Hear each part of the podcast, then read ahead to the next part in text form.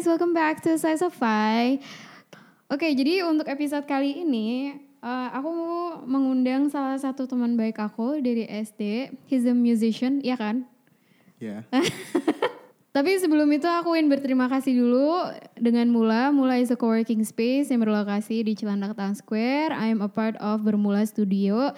Dan aku ingin berterima kasih banget. Mereka sudah menyiapkan gear-gear untuk aku podcast kali ini. Jadi kalau kalian sadar, ini kualitasnya jauh lebih baik daripada podcast podcast sebelumnya. Semoga akan lebih baik lagi di ke depannya. Oke, okay, back to topic. So, my friend, ini dia kuliahnya di Kanada, ya gak sih? Ya kan? Iya dulu. Ya, dia udah lulus juga. Tapi selama dia kuliah, dia juga menjadi musisi.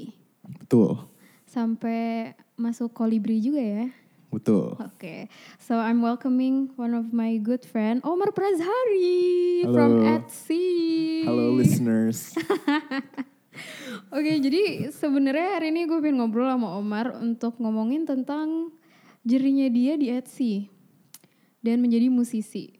Setelah gue tanya-tanya ternyata agak unik juga cerita lo ya dengan DIY DIY yang tadi lo kasih tau gue. sih ya, ya sih banyak banyak cerita sih karena gue emang niatannya ya rekaman sih sebenarnya kayak maksudnya main yeah. musik yang gak ada niatan buat jadi karir ya maksudnya cuma sekedar hobi aja gitu. Eh tapi hobi lama-lama menjadi buah ya? Iya. Yeah, gitu. Yeah. Jadi sebenarnya Omar ini dari dulu dari SD udah mulai main gitar sih ya pertama kali ya. Oh iya dulu. Iya kan, dulu main gitar dari SD, terus lama-lama menjadi kangen band gitu di sekolah. Apa kangen ya lumayan band-band gitu loh, band-band sekolah gitu. Nah tapi pertama pertanyaannya adalah, lo pernah ngebayangin gak sih lo punya Etsy? Ya enggak lah, dulu kan kita, ya maksudnya gue dulu main, main mulai main ngeband gitu ya, itu kan dulu cuma kayak, wah nonton School of Rock keren nih gini nih anak-anak kecil bisa main musik gitu kan. Beneran? Iya, kita gue gue mulainya ngeband tuh kayak gitu. Tapi Terus, jujur School of Rock keren sih. Iya. Emang itu kita umur berapa ya kelas SD kali ya? Itu 2000, gue inget banget 2003, gue kelas 3 SD, gue kelas 3 SD. Tapi itu menginspirasi lo untuk iya. uh, bermain musik jadinya? Iya, waktu itu gue abis nonton film itu ya gue bilang sama nyokap gue gitu, mau dong gitar gitu kan. Oh. Boleh dong beliin gitar gitu. Terus akhirnya setahun kemudian tuh 2004 gue dibeliin gitar terus baru di situ mulai jerang jereng jerang jereng terus gue les nah gue jadi lesnya juga kayak main-main banget sih gue bener-bener cuma yang harusnya tuh sebenarnya les tuh kayak tertib disiplin mm -hmm. itu tuh gue bener-bener kayak gue mau main lagu gue nggak mau main ini. Ini apa klasik? Apa klasik yang disuruh-suruh gitu klasik. Oh my god, ini anak kecilnya udah lumayan idealis ya? Ya sotoy aja sih.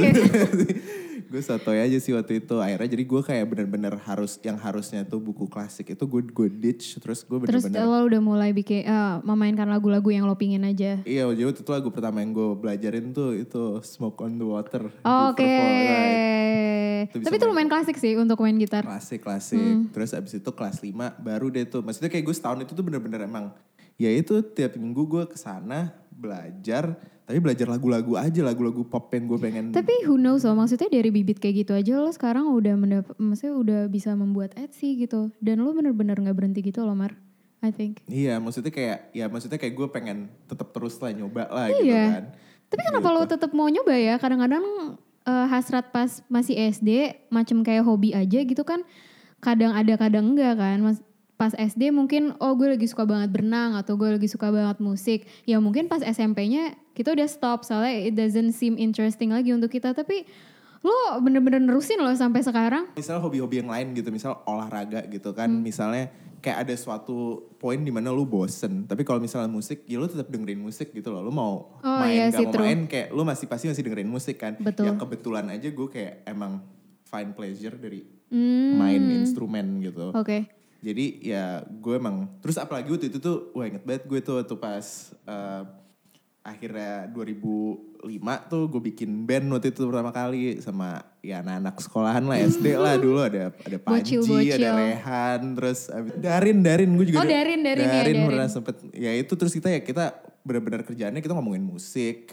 kita dengerin lagu bareng terus habis itu nyewa studio terus ya gonjreng gonjreng gonjreng gonjreng aja gitu kan terus ya akhirnya gara-gara emang nggak ada dulu yang kayak gitu-gitu Iya, di iya. sekolah kita ya jadi Iya. Dan dulu belum ada teknologi HP atau sebenarnya udah ada HP tapi maksudnya Iya, tidak sosial media kayak sekarang. Jadi memang kita menghabiskan waktunya seperti itu ya. Iya, akhirnya ya udah deh terus abis itu main band deh. Emang cuma main band cuma buat keren-kerenan doang, buat dapet cewek doang sih gue dulu. Gak dapet cewek lagi. Apa? Udah gak dapet cewek lagi. Dapet. Briefly. Ya, briefly, briefly, Briefly. briefly. Ya gitu doang deh By akhirnya. the way ini anak SD ya guys. Iya gue masih Kelas SD loh. lima ya ini. gue umur 10 tahun loh ini loh. Gila kan gak yang udah selangit. Dan tujuannya udah untuk mendapatkan cewek. Iya dulu dulu emang gue dari influence banyak sih dari MTV nonton MTV Channel V dulu. Eh, Oh iya gitu, Channel V ya. Channel V. Dan gue tuh nggak pernah gue gue nggak tahu cara rekaman musik atau apa sampai gue masukin tuh waktu itu masuk akhir SMP awal SMA. Nah itu gue baru akhirnya belajar nyoba ngerekam musik sendiri. Oh, jadi journey yang lo bilang DIY atau do it yourself itu lo mulai nguliknya tuh dari SMP ya? Iya SMP SMA gitulah maksudnya jadi kayak waktu itu gue juga nggak ngerti kan gue dulu gaptek juga ya masalah rekaman segala macem kan. Iya biasanya bukan kadang-kadang langsung kayak nyewa studio aja gitu ya? Iya dulu dulu tuh gue cuma pernah rekaman tuh sekali dan itu juga pas di SD waktu itu eh, apa sih MAT ya? Itunya nama Iya. programnya ya. MAT apa sih? Music Arts, Arts and and, Theater. oh theater ya? Iya, ya seni gitu lah. seni gitu. Terus ada ada band lah pokoknya ada program baru band. Nah terus kita waktu itu ada satu session di mana kita rekaman. Gue jelek banget mainnya. Gue dibilang sama si gurunya itu mainnya lo nggak nggak bagus gitu Sumpah. iya dibilang waktu itu gue inget banget nih dia gitu ini yang Terus lain lo gimana pas dibilang kayak gitu? ya jujur cukup Nggak. sakit hati sih cuman ya Pas SD lo kasihan banget anak Iya. SD dibilang kayak gitu. ya maksudnya kayak nggak dibilang Kayak- jelek juga sih cuman kayak oh kamu Lo main dengerin kon- nggak sih? nggak konsisten Tapi lo dengerin gurunya gak? Kayak fuck it gitu. ya gue ya maksudnya gue tetap main mau nggak Hmm. main gitu terus gue emang banyak sih kayak kayak agak discourage gitu jadi gara-gara kayak stop main musik gitu kayak karena gue merasa gue nggak good enough gitu kayak selalu pasti ada Hmm, I anak see. di sekolah yang jauh lebih bagus jauh lebih bagus Cukup jauh lebih bagus. bagus terus gue kayak ya gue apa gitu kayak Tapi sekarang ya karena sekarang mungkin anak-anak yang itu udah pada bosen main iya, musik makanya itu. Lo yang bener-bener survive. iya gue gue gue terusin emang gue seneng sih Nah, untuk ngomongin Etsy sendiri nih, setahu gue lo mulai bikin Etsy itu pas kuliah ya? Kuliah Kuliah dan itu udah di Vancouver ya? gue baru pindah dari Vancouver Baru pindah dari Vancouver. Apa sih sebenarnya cerita di balik itu dan kenapa tiba-tiba lo pengen bikin Etsy? Jadi dulu tuh gue mulai rekaman tuh pas SMA. Namanya belum belum Etsy dulu gue ada namanya jelek banget nama band gue. Oh jadi emang itu udah di pikiran lo dari SMA ya? Udah udah. Jadi gue dulu gue dulu tuh dengerin ada band namanya Wild Nothing terus Oh. dia itu rekaman album pertamanya itu pakai garage band doang di Oh, lo makanya terinspirasi dari itu ya? Iya, dia dia dia bikin garage band doang terus di ini di asramanya dia gitu. Bikinnya, dia bikinnya di asramanya Oh. Jadi dia bikin lagunya di asrama dia dan dia juga masih kuliah atau Iya. Masih kuliah. Oh, mereka masih ku- This is one person atau Ini one person Nothing Oh. sebenarnya mulainya one person ya. Jadi uh, I thought it's a band. itu 2009 dia waktu itu ngel- ngeluarin itu 2009 dan itu gue masuk SMA gue dengerin tuh wah gila keren banget nih orang bisa Keren kayak banget. gini. Kalau dia bisa kayak gitu berarti Omar juga bisa kayak gue gitu. juga bisa kayak gitu. Tapi dulu kuping gue tuh masih kayak ya maksudnya nggak se sepeka sekarang ya masalah rekaman-rekaman gue masal dulu asal jadi tuh gue udah seneng gitu. Tapi at least you started something sih, Mar. Iya, iya. Itu tuh sih gue tuh sebenarnya tuh yang kayak menurut gue gue bisa sampai maksudnya masih bisa berkarir di musik walaupun cuma s- sebagai side ya side thing itu. Side tuh job, ya. karena gue masih terus-terusan juga rekaman sih. Kalau gue berhenti itu pasti kayak momentumnya udah hilang. Oh gitu ya. Berarti emang mu- musik itu atau creating music itu salah satu praktis yang memang harus dilakukan terus ya. Iya. Kalau nggak momentumnya hilang. Iya. Apakah itu berhubungan dengan kreativitas juga atau in Iya. terms of kayak tekniknya?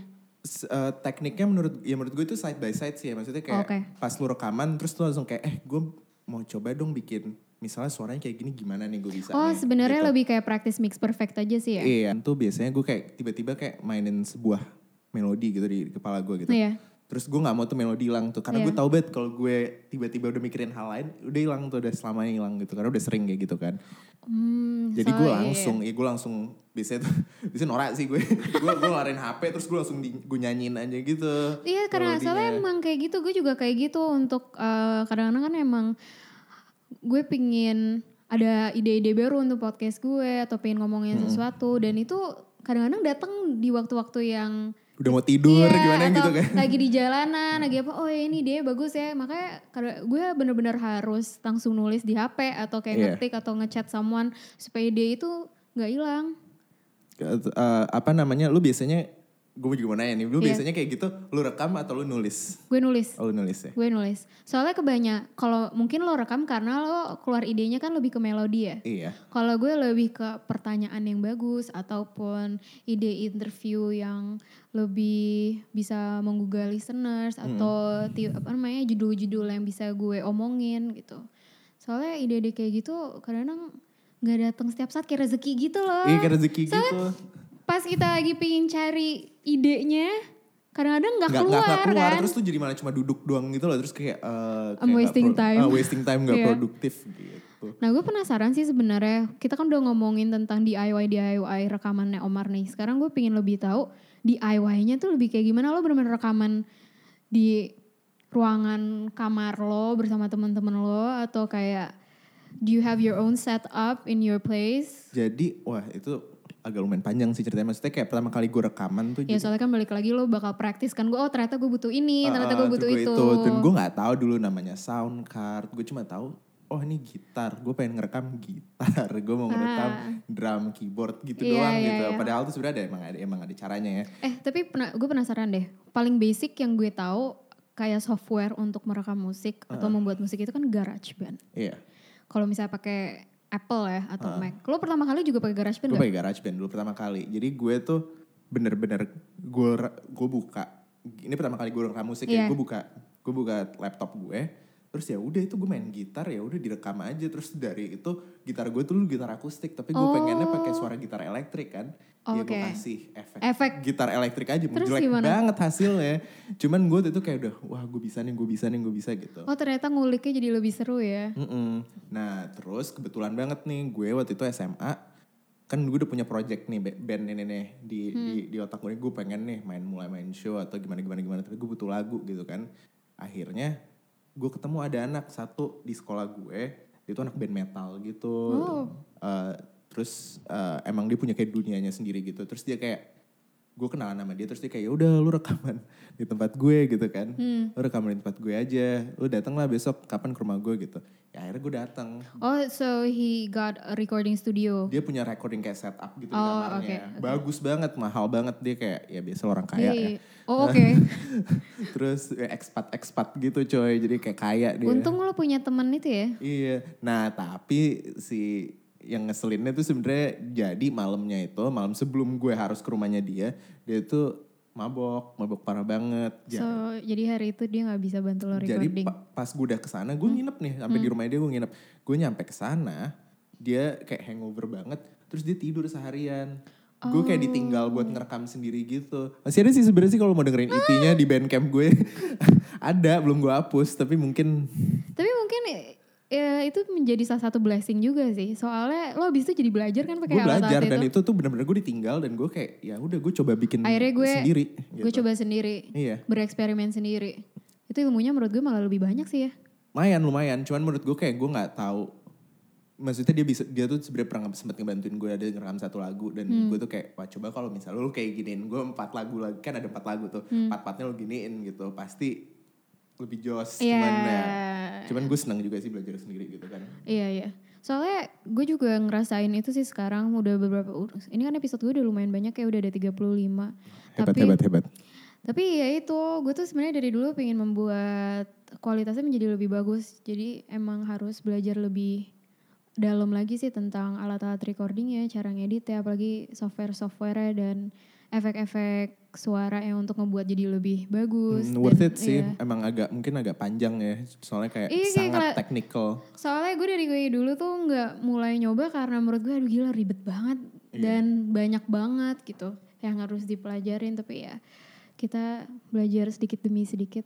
Oh my god, gue sampai lupa bilang, guys, kalau kalian dengerin A Slice of Pie, kalian pasti dengar ada intronya kan di depan lagunya. Nah, itu lo- dibuat oleh manusia ini, Omar Prasari.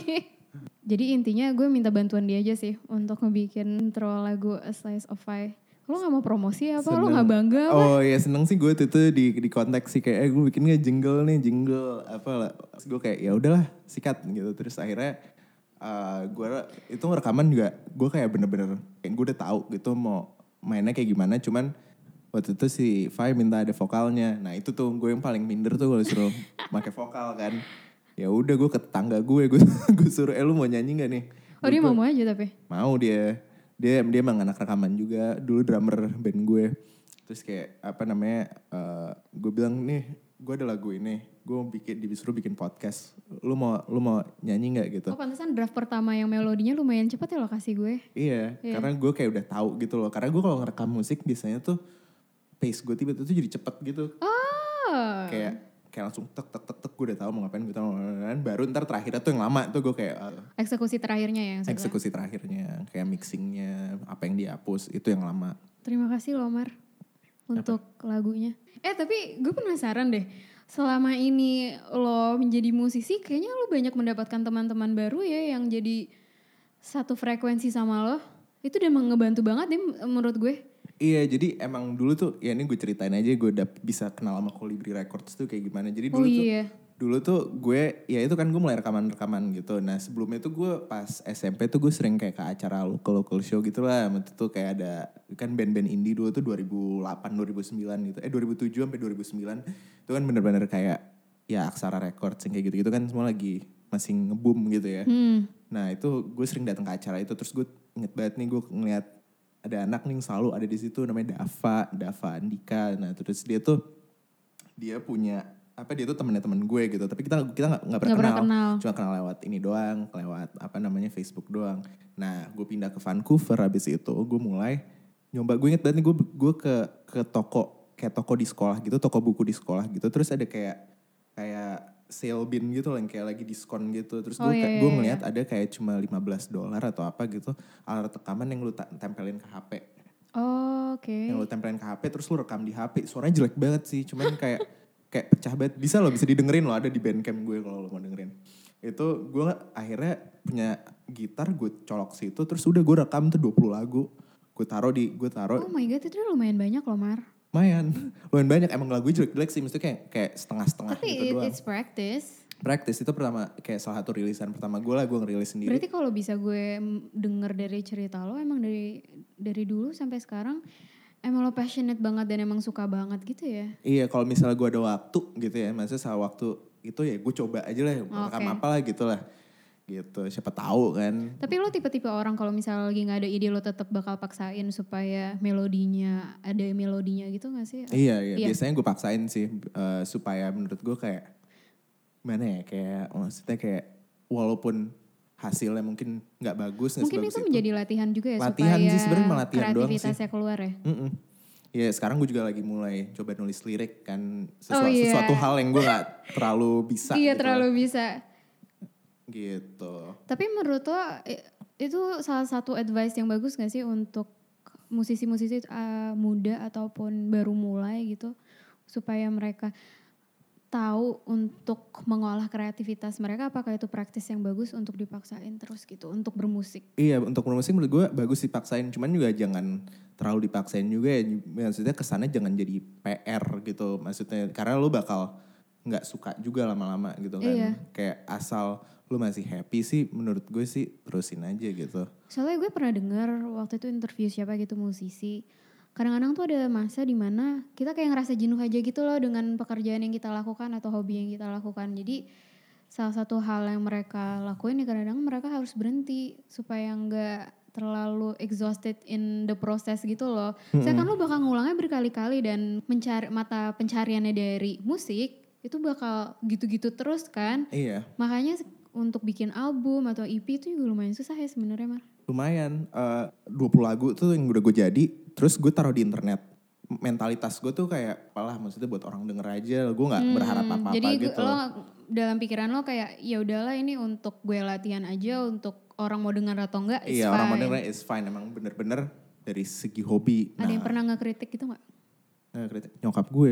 Sumpah? Nah, nyokap gue gak suka sama albumnya. Eh, tapi nggak apa-apa sih menurut gue emang karena Tapi dikasih tau alasannya kenapa? alasannya kenapa tapi dan gue ngerti emang menurut gue kayak ya itu kalau gue dengerin lagi albumnya emang ya nggak bagus gitu kayak cuma ya gue pertama kali rekaman lah maksudnya kayak gini gini Hmm. Tapi gini menurut gitu lo kritik dan saran dari orang-orang atau uh, pendengar lagu-lagu lo itu membantu gak sih Mar? membantu membantu sangat membantu kayak eh gue ya maksudnya kayak album-album yang sekarang ini mungkin gue terlalu kritikal juga ke, ke diri gue sendiri ya Emang maksudnya semua orang kayak gitu sih biasanya. Uh, dan itu kadang emang ada ada negatif feedbacknya gitu ya. Yang album pertama tuh gue sekarang tuh udah udah menurut gue udah gue udah detach gitu. Gue udah Hmm. merasa detach sama album pertama gue yang dan yang lewat Kolibri juga menurut gue udah detach gitu.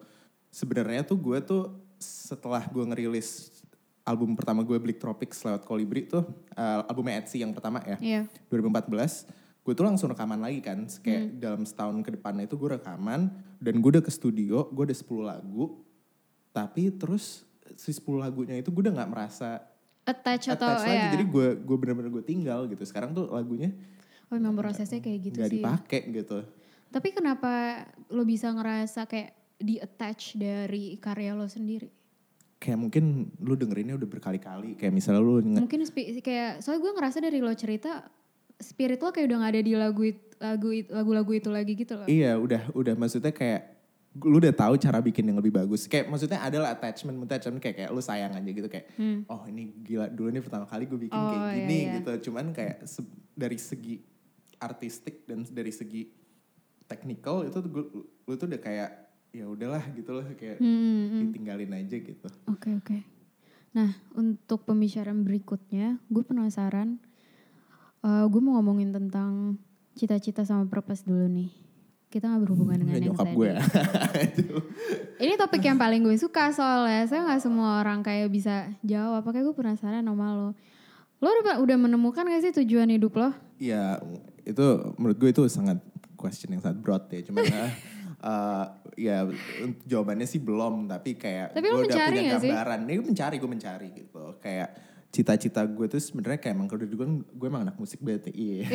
Iya, gitu. Nah, soalnya gue penasaran, eh, different people will have different experience gitu loh Iya. untuk men- mendapatkan ilham itu ataupun tujuan hidup mereka masing-masing. Makanya I'm really interested in terms of musician point of view. Mereka sebenarnya kayak gimana apa? Soalnya kadang-kadang orang mulai bermusik atau menjadi musisi karena mereka mendapatkan tujuan itu. Iya. Ngerti gak sih? Iya.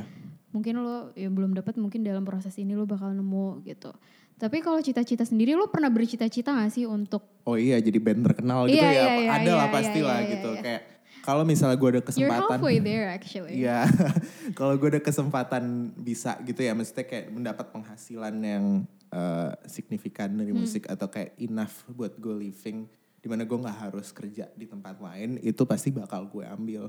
Ataupun nggak harus gue jadi musisi juga, cuman gue dari music industry. Industry, iya. Itu it, eh, goal gue tuh sekarang tuh kayak gitu. Hmm. Eh, tapi ya eh, itu kan masih in the long term goal kan. Jadi sekarang gue Oke. emang mau mencoba establish berkarir dulu di sini.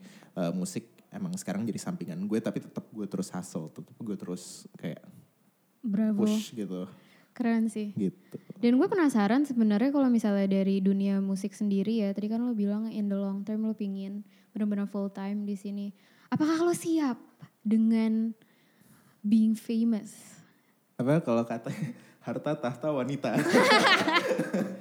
Nggak, soalnya it comes it comes with the job gitu kan. Soalnya uh, dunia musik ini termasuk dalam entertainment industry dan memang itu terkenal dengan being a celebrity ataupun ya just being a famous person gitu. Apakah lo pingin menjadi famous person atau kayak ya udah fame udah termasuk dalam the job aja gitu. Iya, itu menurut gue sih udah termasuk dalam job aja, tapi juga bisa sih itu sebenarnya tergantung lo nge-market diri lo sendiri gitu. Oh ya sih true. gue lebih pengen ya lebih pengen gue dikenal karya gue gitu daripada dibanding kayak cuma oh ini nih orangnya nih gitu doang. Bukan lo sekarang juga kadang-kadang gitu. Since Iya. adek lo artis. ah ya gitu deh gue gak suka tuh kayak gitu sebenarnya sih. Sumpah banyak banget, ini cuma cerita lucu aja. Banyak, kadang-kadang suka banyak banget kalau Omar ngepost foto sama adiknya Emir. Itu yang nge-komen-komen kayak anak-anak yang ngefans sama Emir gitu kan. Oh Kayak- iya kayak, masih sampai Kak sekarang. Omar, Kak Omar gitu. Lah gue nih gue ceritain aja gue kemarin manggung pertama kali balik gue balik Jakarta gue udah homecoming show kan. Ah, sumpah jangan bilang ada yang kayak gitu. Iya maksudnya kayak ada satu orang yang abis gue manggung dia dan dia nyamperin gue eh terus kayak Emir apa kabar Emir di mana ya, kali gitu kan gue kayak ya ya gue jawab gitu Emir di sini cuman ya kayak elah Gak penting. Gak penting gitu ya udah. tanya aja orangnya sendiri Oh ya sih bener. Tapi Emir followersnya lumayan banyak sih. Ya kan? lumayan nggak banyak kok Enggak. biasa aja Biasa. Follow Omar guys, dia lagi pengen terkenal banget sekarang. eh Enggak ya? eh, boleh loh saya jadi influencer aja gimana kan. Kalau orang duitnya kenceng dia mending jadi influencer aja Tapi pertanyaan yang lebih pentingnya lagi adalah what you learn from kayak what you learn about yourself from this whole experience. yang gue learn itu ya gue lu, lu harus ya emang kadang-kadang sih ya lu udah lu lu bikin karya lu kayak gini lu kayak gini lu gini gini lu punya vision segala macam dan menurut lu ini kayak udah karya paling bagus. Terus lu dapet criticism gitu kan segala macam kan. Ya lu ambil aja sih betulnya kayak nggak boleh sakit hati itu pertama. Eh, apa namanya eh, lu juga harus critical dalam diri lo sendiri gitu. Kayak kadang-kadang gue tuh suka emang eh, drawback gue tuh kadang-kadang gue suka cepet puas dalam rekaman gitu dulu ya pas pertama kali gue sekarang gue udah nggak- mungkin udah gak terlalu tapi kayak dulu pertama kali itu gue tuh agak cepet puas dan menurut gue tuh gue harusnya tuh lebih gimana gitu loh lebih kayak Kritis. lebih kritis dan gue lebih pengen cari tahu lebih disiplin misalnya kayak ya misalnya hasilnya kayak gini harusnya kayak gitu ya gue cari tahu gimana bisa kayak gitu, Kayak gitu. Heeh, dulu supaya tuh gue hasilnya lebih bagus. Heeh. ya. Gue dulu kayak gitu terus ya udah gue kayak gini terus aja gue pakai metode ini terus aja gitu tanpa kayak ngelihat ada banyak jalur lain gitu Hmm. Ya tapi at least lo udah tahu sih. sekarang gue udah tahu iya. dan udah bakal mencoba gitu ya Oke untuk menutup episode kali ini lo ada rekomendasi musisi atau artis-artis yang menginspirasi lo? wah banyak banget sih Ya udah top 5. lo mau lokal apa mau Ah, mau lokal aja deh. internasional kalau lokal, Lokal ya aja. lokal ayo coba cek band-bandnya Kolibri Eh, eh, ini rilisnya entar ini episode rilisnya kapan dulu nih Eh, hari Selasa besok. Oh selesai besok ya. Pokoknya ada band yang baru desain sama Kolibri. Itu singlenya mau keluar. Itu bagus banget. Bahasa Indonesia nih rilisan Kolibri pertama bahasa Indonesia. Gila gue promosi Oh, iya banget. Rilisan pertama gue bahasa Indonesia. Gue kemarin udah dikirimin terus gue dengerin album itu bagus banget. Namanya apa? Jirapah. Oh, Itu keren tuh. Terus abis itu eh, kemarin Diskoria ngeluarin lagu baru. Itu bagus banget. Eh, kayaknya collab sama Malik ya. oh, Itu lagunya juga sekarang I like Malik. on repeat di di Berarti agak upbeat dong. gue. Ya gue sekarang emang lagi suka disco Oh kok tumben? Kenapa? Lu biasanya kan gak terlalu gitu. Wah lu ntar ke DJ set gue dong. Oh iya. Pokoknya kolibri-kolibri yang banyak followers kita, kita tahun ini Yaudah gue add Colibri uh, Records at, aja. at kolibri record sih sebenarnya sih. Oke. Gitu. Oh ya lupa Sun Eater uh, bakal kayaknya mulai bakal rilis tahun ini. Gue belum dengerin material-materialnya cuman kayaknya gue bakal uh, collab sama Win Vin Kevin. Kevin Wiarnanda. Ah, Kita waktu itu udah gue udah mulai best friend. mulai eh, ngulik lagu baru. Bentar mungkin keluar ya. Berarti dia vokalnya kan? Dia vokalnya. Gue cuma kayak waktu itu sih gue kirim. Kita jadi dulu sering kayak kayak back to back aja gue ngemail. "Eh, Ini gue bikin ini nih. Terus dia bikin. eh, oh ya udah. Gue coba tambahin vokal atau apa segala macem gitu. Oke jadi deh. mungkin kita akan kerjasama di masa depan. Iyalah kalian udah best friend lama banget gila masa lo kalian gak collab sih. Bisa aja. Oke itu aja Mar, thank you so much ya udah Sama-sama. jadi guest speaker A Slice Sama-sama. of I. Guys kalau misalnya mau dengar episodenya bisa didengar di anchor.fm slash A Slice of I atau di aplikasi Anchor. Uh, terus Spotify, Google Podcast, Apple Podcast. Ya, dan platform-platform lainnya yang sangat banyak bisa dilihat di anchor.fm slash A Slice of I. Thank you so much for listening. I'll talk to you guys next week. Bye-bye.